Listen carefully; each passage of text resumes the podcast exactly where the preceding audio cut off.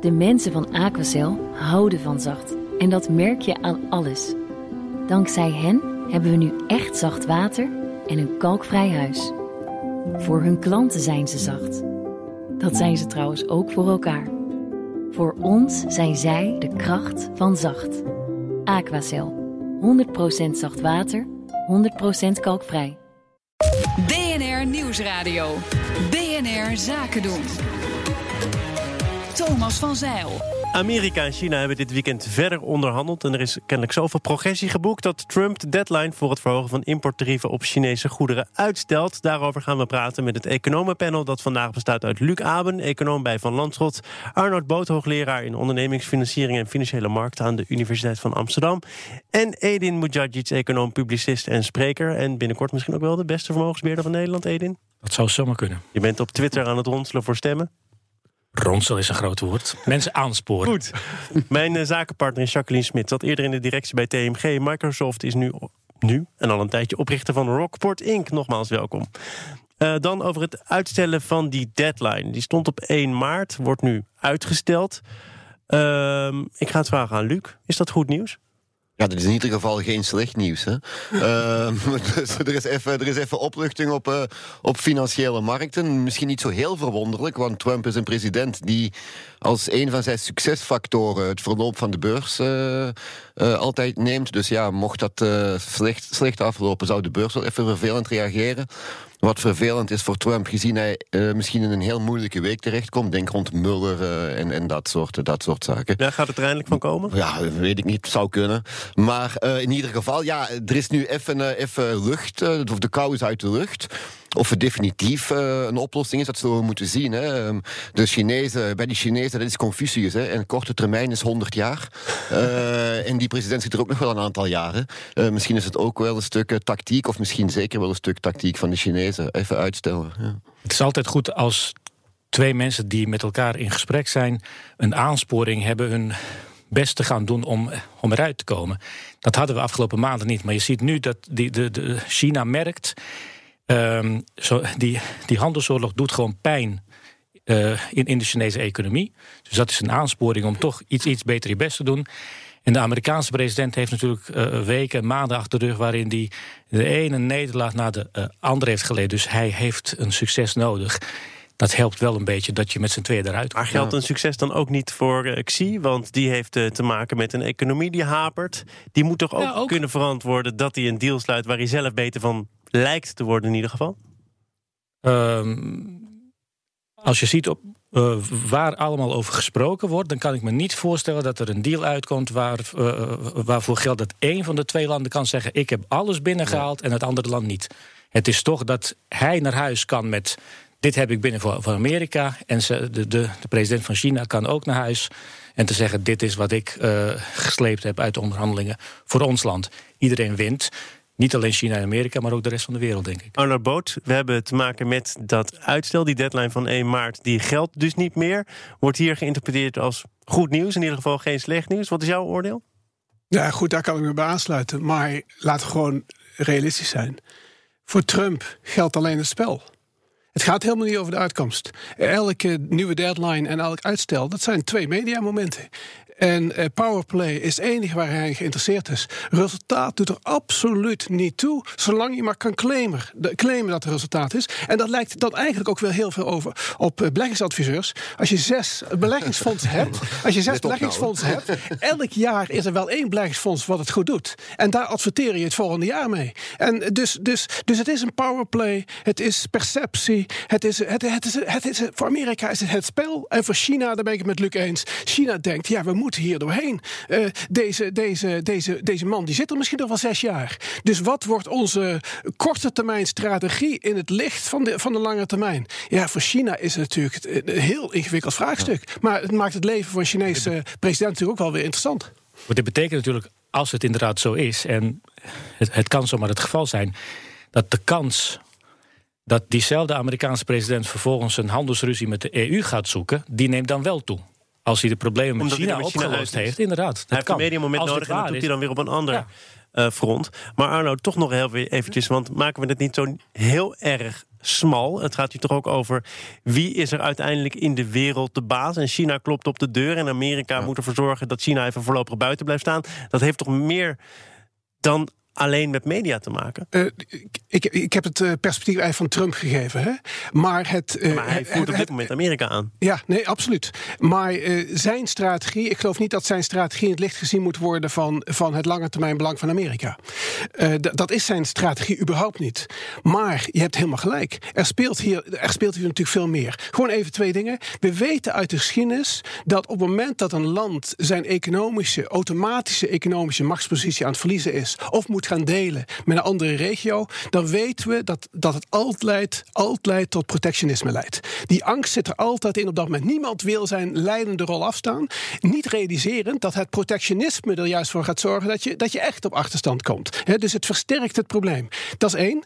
Dus dat is zeker een groot probleem, want dit gaat gebeuren. Dus slecht voor de wereldeconomie, slecht voor, uh, voor economische groei, et cetera. Maar het, de andere kant van het verhaal is natuurlijk veel erger. En de andere kant van het verhaal is het hele politieke verhaal. En dan, dan heb je het over regio's die, uh, ja, die toch tegen elkaar uitgespeeld worden. Uh, volkeren die tegen elkaar opgezet worden. En, en, en dat spel. Dat spel dat kennen we uit de geschiedenis. En dat spel hadden we ook voor de Eerste Wereldoorlog. Uh, dat, dat is een spel waarbij, uh, waarbij de homogeniteit, de bereidheid om met elkaar te praten in de wereld, om tot de wereldorde te horen, dat, die wordt afgebroken. En daar zitten de grote elkaar. risico's. Er wordt nu kennelijk gesproken Komende week. progressie, Luc.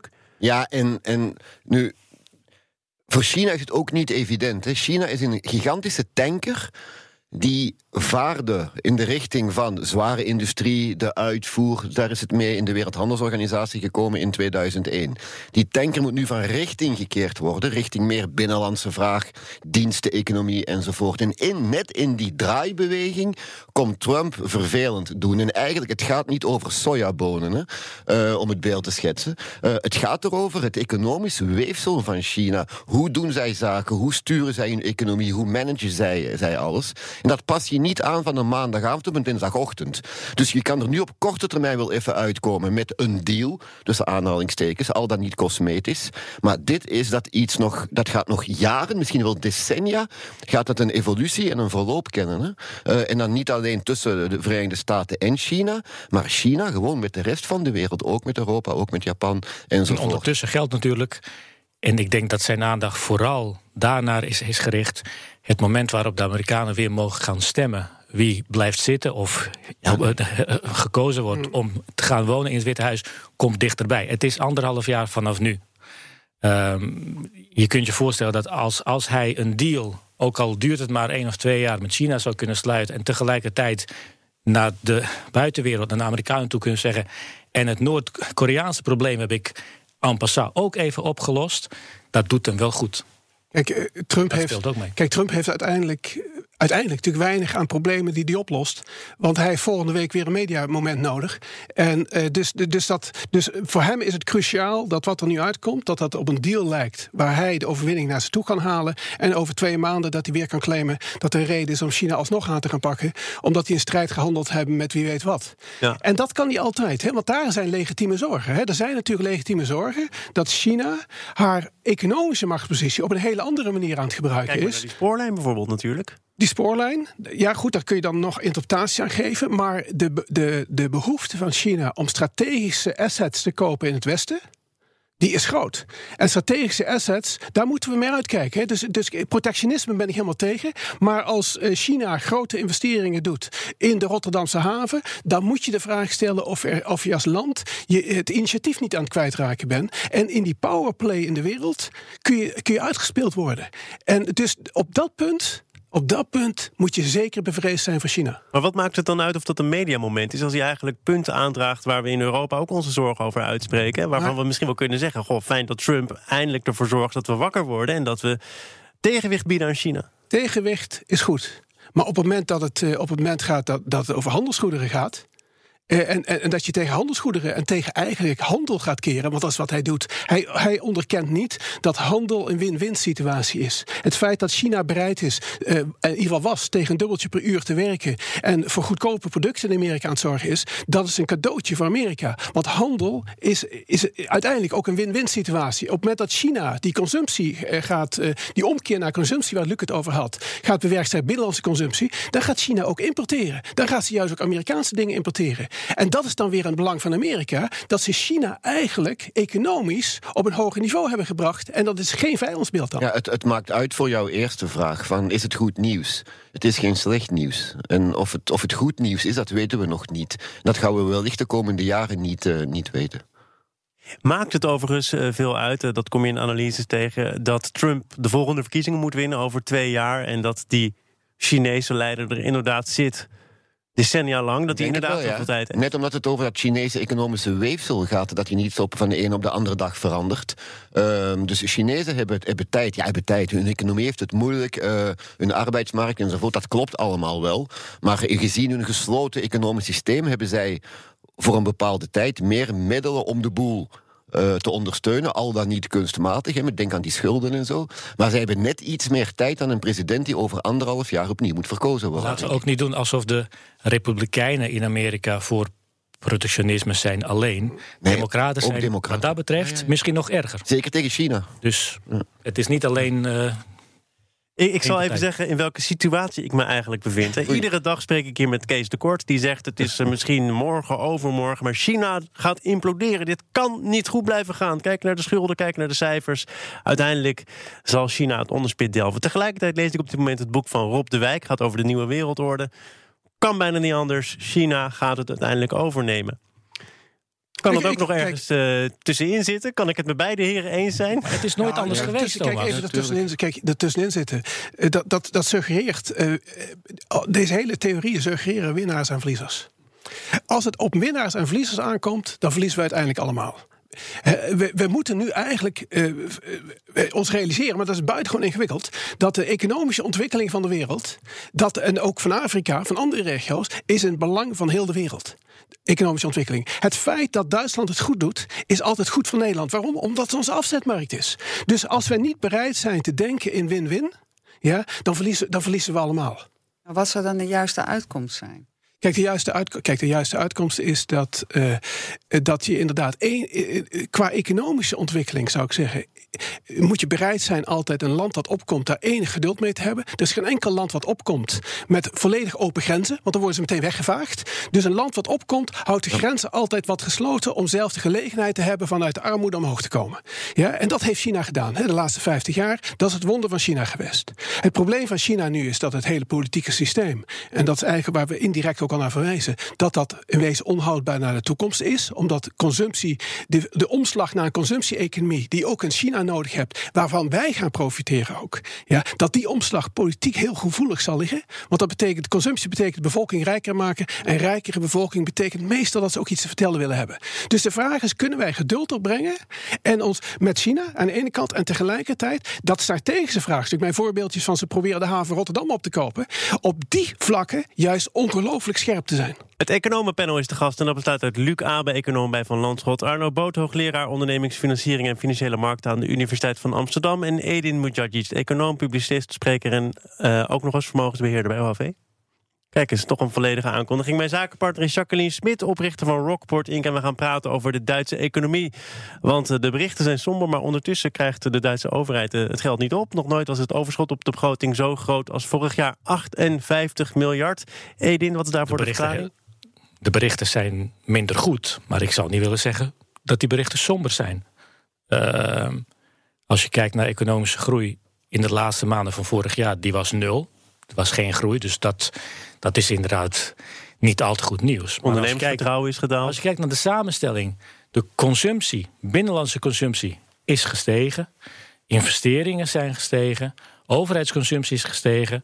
Het enige wat de groei omlaag heeft, heeft, heeft getrokken, is dat uh, heel veel bedrijven ingeteerd hebben op voorraden. Nou, als we ons verplaatsen naar die laatste maanden van vorig jaar. Er was onzekerheid over hoe De Europese Unie gaat scheiden met UK. Er was onzekerheid over uh, handelsoorlog tussen China en Amerika. Er was uh, um, onzekerheid in Europa zelf. Dat je als, als bedrijfsleven dan zegt: Ik heb genoeg voorraden. Ik ga eerst die voorraden verkopen voordat ik een, nog meer ga aanleggen. Is logisch. Al die dingen. dat je iets minder vertrouwen in de toekomst hebt? Nou ja, op dat moment had je minder vertrouwen in de toekomst. Als je kijkt naar al die factoren die vorig jaar negatief waren. Handelsoorlog hadden we het net over. Nu is de kans heel groot dat die twee landen in ieder geval zo'n handelsoorlog niet laten escaleren. Dat is goed nieuws. Ik kan me goed voorstellen dat je nu krijgt dat die consumptie blijft groeien.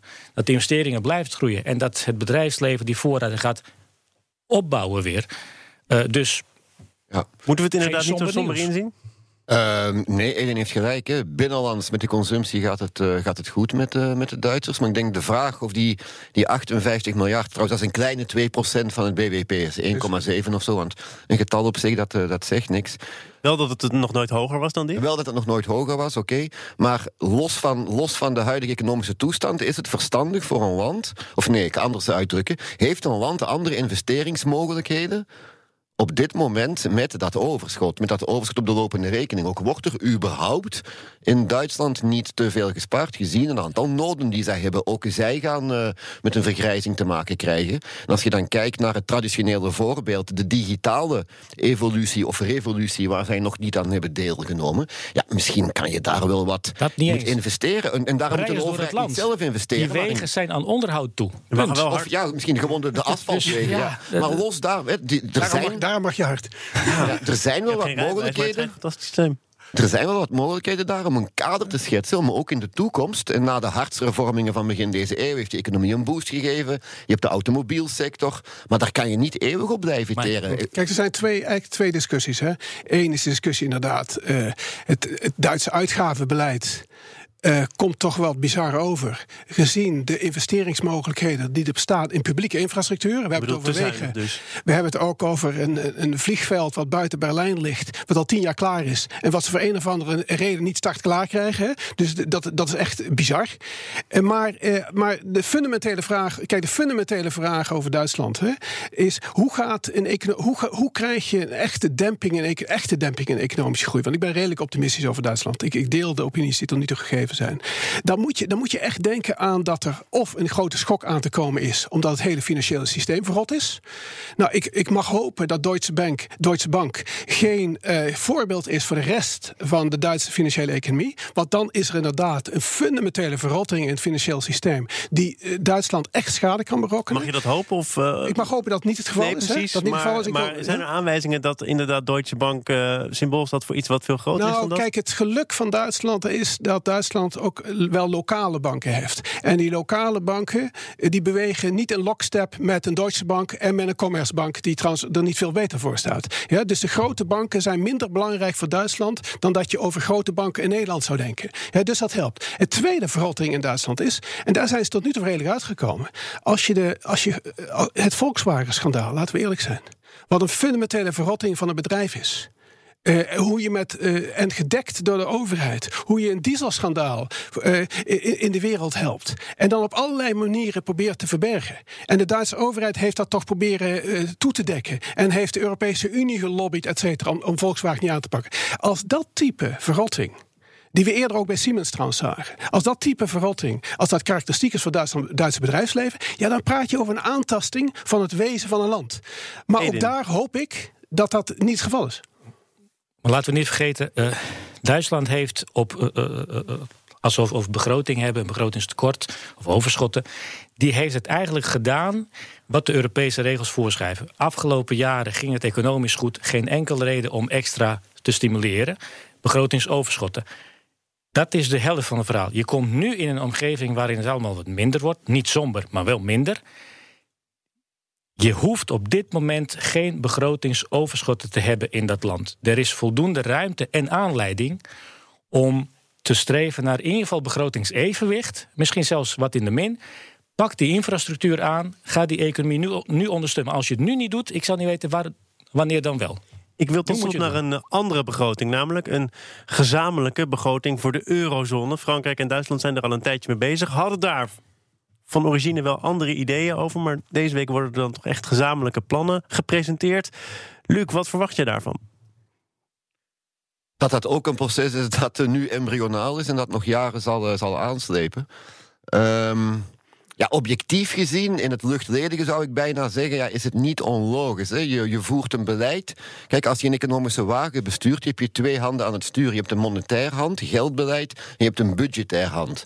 Nu dat een begrotingshand. Hè? Nu dat monetaire hand, het geldbeleid, is een Europese hand, een eurozonehand. Het andere zijn allemaal nationale handjes. Ergens wringt dat.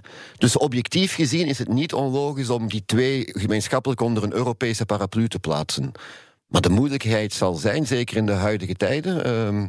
Ehm, eh, solidariteit. Ja, om daar, om, daar, om, ja, om daar, ja, solidariteit, dat klinkt, dat klinkt zo onmiddellijk van transferunie. Hè? Ja, het dat is ja, dat- En precies, precies onmiddellijk die connotatie die maakte dat het maatschappelijk en politieke draagvlak moeilijk te bereiken zal zijn. Vandaar dat het nog jaren zal, eh, zal Maar aanslepen. dan is toch, toch Maar het je- woord dat ervoor zorgt dat die discussie zo, zo moeilijk Maar verloopt. dat is je, kan het ook, je kan het ook positief draaien. Hè? Als, als, als wij handel drijven met, ik ga een usual suspect nemen, Italië. Hè? Eh, als wij handel drijven met Italië en de Italiaanse economie loopt lekker, hebben wij ook een voordeel van. Hetzelfde voorbeeld wat Arnoud daarnet zei. Ja, uiteindelijk gaat iedereen erop vooruit. Het betekent ook wel, de keerzijde is dat iedereen zijn verantwoordelijkheid neemt.